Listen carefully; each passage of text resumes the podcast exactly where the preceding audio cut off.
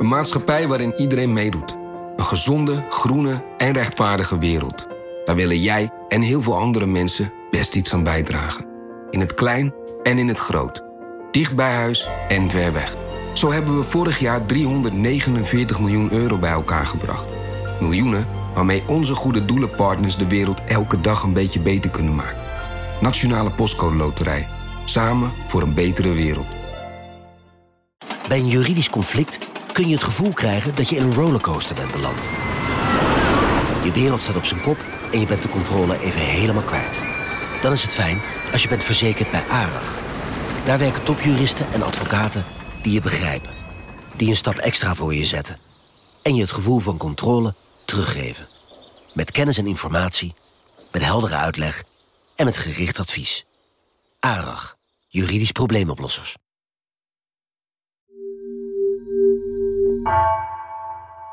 Fijn dat je luistert. Even een boodschap vooraf. We kunnen deze podcast alleen maken dankzij onze betalende abonnees. Ben je nog geen abonnee, maar wil je dat wel worden? Ga dan naar nrc.nl/slash nrcvandaag en kies een abonnement dat bij jou past. Want met een NRC-abonnement krijg je toegang tot al onze artikelen en podcasts. En dan nu snel door naar de aflevering. Vanaf de redactie van NRC het verhaal van vandaag. Mijn naam is Floor Boon.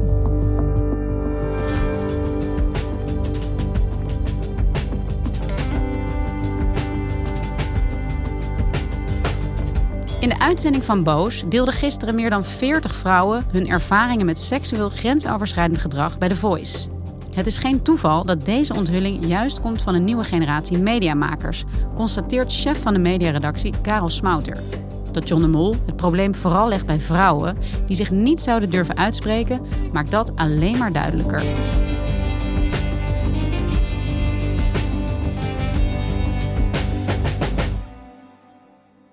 Karel, gisteren, einde middag op donderdag, kwam er een aflevering online van Boos over misstanden bij The Voice. Een aflevering waar heel veel Nederlanders ja, ongeveer een week naar hebben uitgekeken. Wat heb je daar gezien? Nou, in de eerste plaats een heel uitgebreid en zorgvuldig onderzoek. Ehm, waar ze ruim tien maanden aan gewerkt hebben. Ze hebben vorig jaar een oproep gedaan. En daar zijn nou ja, tientallen reacties op gekomen van mensen die misstanden hebben ervaren met mannen op de set van The Voice. Dus ik heb geturfd. En als ik goed geturfd heb, gaat het om zo'n 42 getuigenissen die ze in elk geval uh, hebben opgehaald. Uh, waar ze mee gesproken hebben. Nou, in twee gevallen gaat het ook om aangiftes richting Ali B, een van de coaches van The Voice of Holland. Uh, er is ook een aangifte gedaan richting Jeroen Rietberg, de pianist en bandleider. En ook Marco Borsato wordt genoemd, die notabene bij minderjarigen aan billen en heupen zou hebben gezeten. Dus al met al een redelijk ontluisterende avond, als ik het even heel eufemistisch zeg.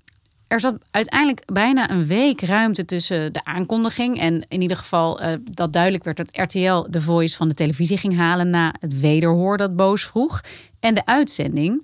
En daar is heel veel commentaar op geweest. Maar snap jij nu na het zien van die uitzending waarom ze een week hebben gewacht? Jazeker, ze zijn ontzettend uh, zorgvuldig te werk gegaan, de makers. Uh, hoor en wederhoor, ontzettend veel ruimte daar ook voor. En ze hebben zich als het ware niet laten afleiden door al die mensen die zeiden: Kom nou eens naar, naar, naar buiten met jullie verhaal. Uh, dat het echt belangrijk is, zag je ook aan het feit dat afgelopen woensdagavond nog, dus de avond voor uitzending, John de Mol in de studio bij BNN Vara aanschoof om zijn reactie te geven. Laten we beginnen met wat is je reactie? Ja, wat is je reactie? Nou, ik moet je zeggen dat uh, ik behoorlijk in de war ben van wat ik net allemaal heb gezien. Ja. Uh, en als je me zeg maar 1% had laten zien vanavond van uh, wat er was, dan was het al veel te veel en was het al schokkend geweest. maar het is veel meer dan dat. Ja. Dus ik ben daar wel een beetje in de war van, ja.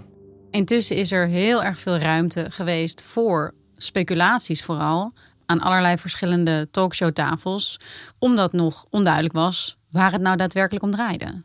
Ja, als er een bom ontploft, zoals afgelopen weekend in uh, Medialand, dan kunnen journalisten zich natuurlijk niet inhouden.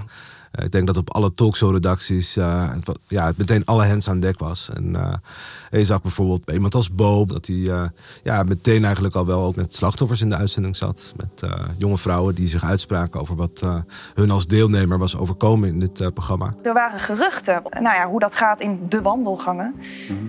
De geruchten gingen En ik heb me er verder, ik heb dat naast me neergelegd totdat ik zelf een opmerking kreeg. En toen dacht gek. En ik kwam uit een zangles. En hij loopt achter mij en uh, hij zegt, uh, wat heb jij een geil broekje aan? Je zag bijvoorbeeld iemand als uh, Margriet van der Linden bij het programma M... die op een gegeven moment echt zei van... Hey, is het nou jou ook overkomen? Meld je bij ons, hè? we gaan het uitzoeken. Zit jij te kijken en herken je deze verhalen? Bijvoorbeeld omdat het jezelf is overkomen... of omdat je iemand van dichtbij kent met dezelfde ervaringen... dan komen we heel graag met je in contact.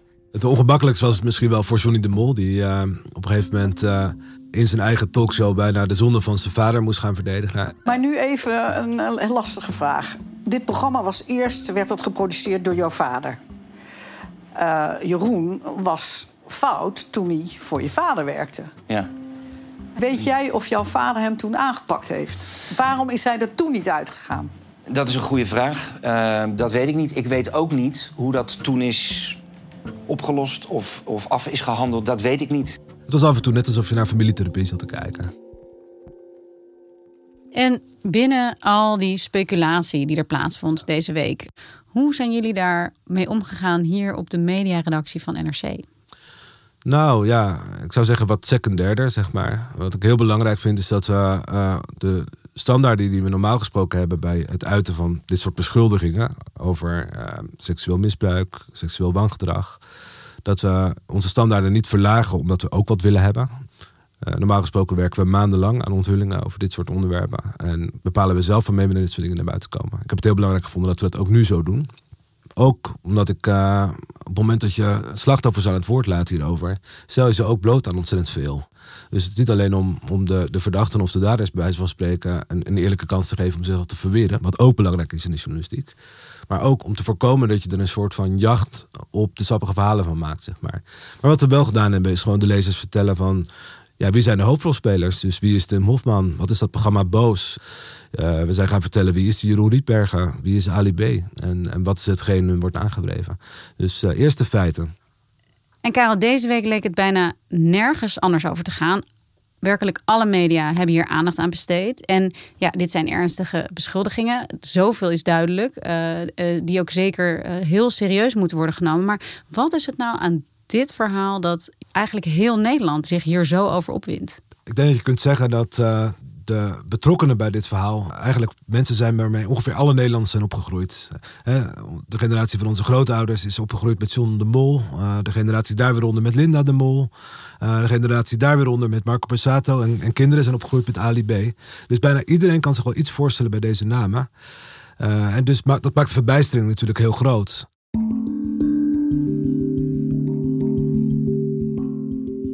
De gebeurtenissen bij de Voice hebben, ja, wat we nu weten, jarenlang kunnen plaatsvinden zonder dat iemand daar naar buiten over is getreden.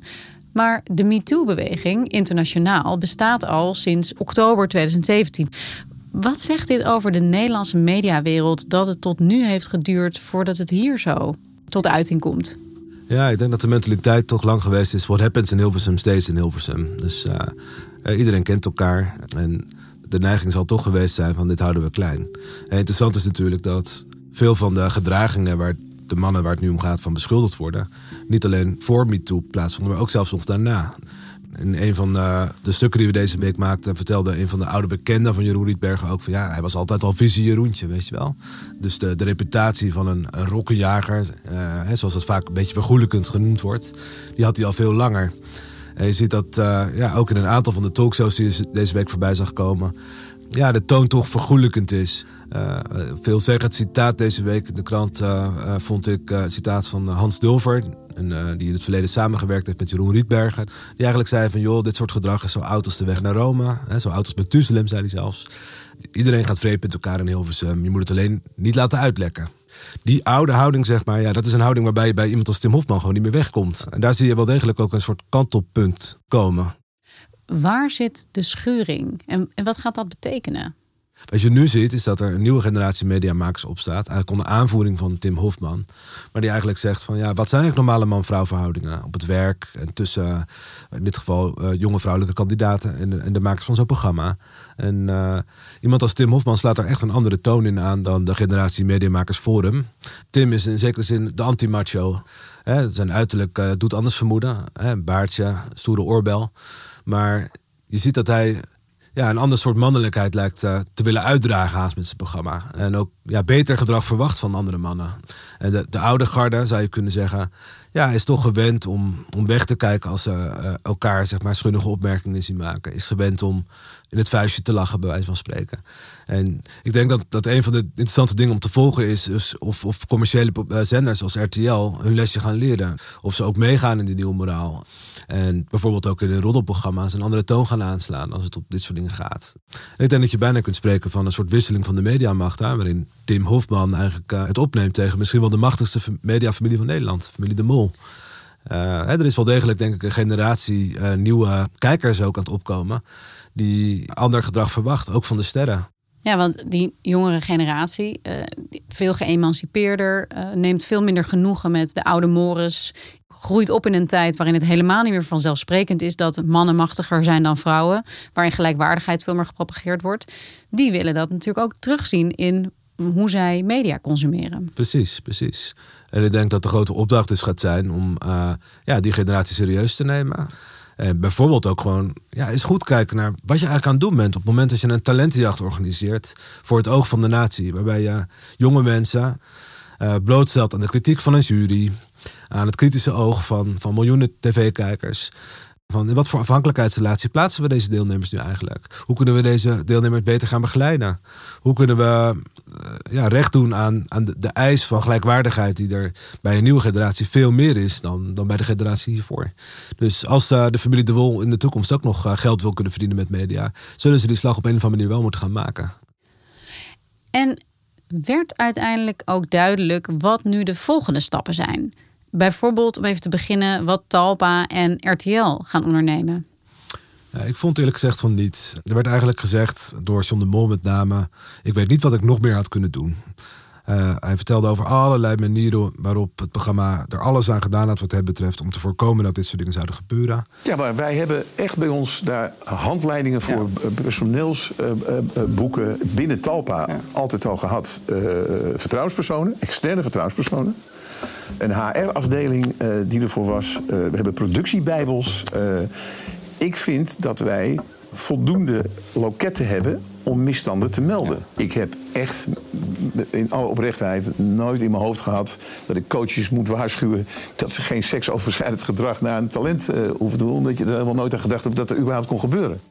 Hij toonde zich eigenlijk nauwelijks bewust eigenlijk van het feit dat misschien wel de cultuur uh, waarin deze mensen gewerkt hebben zo onveilig was dat ook melden onveilig was. Hij toonde zich ook niet bewust van het feit dat uh, er bijvoorbeeld wurgcontracten worden getekend door deelnemers.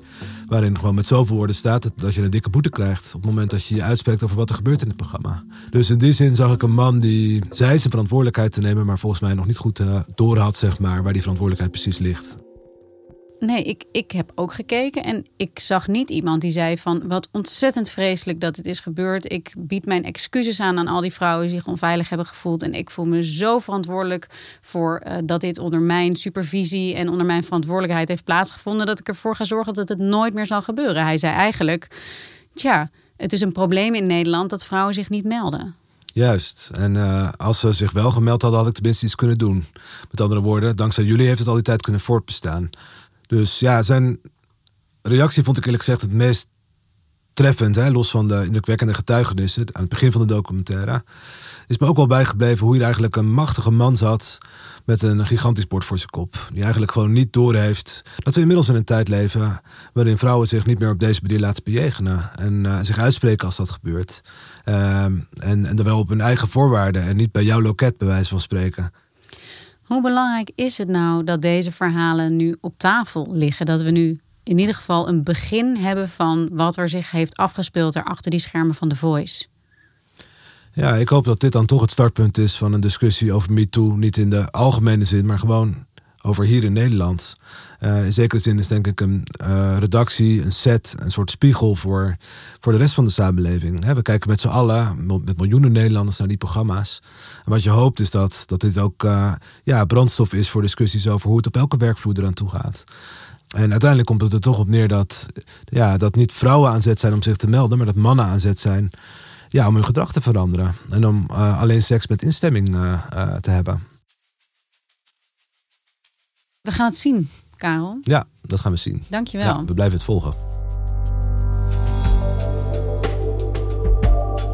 Je luisterde naar vandaag, een podcast van NRC. Eén verhaal, elke dag. Deze aflevering werd gemaakt door Mila Marie Bleeksma, Gabriella Ader en Micha van Waterschoot. Dit was vandaag. Maandag weer.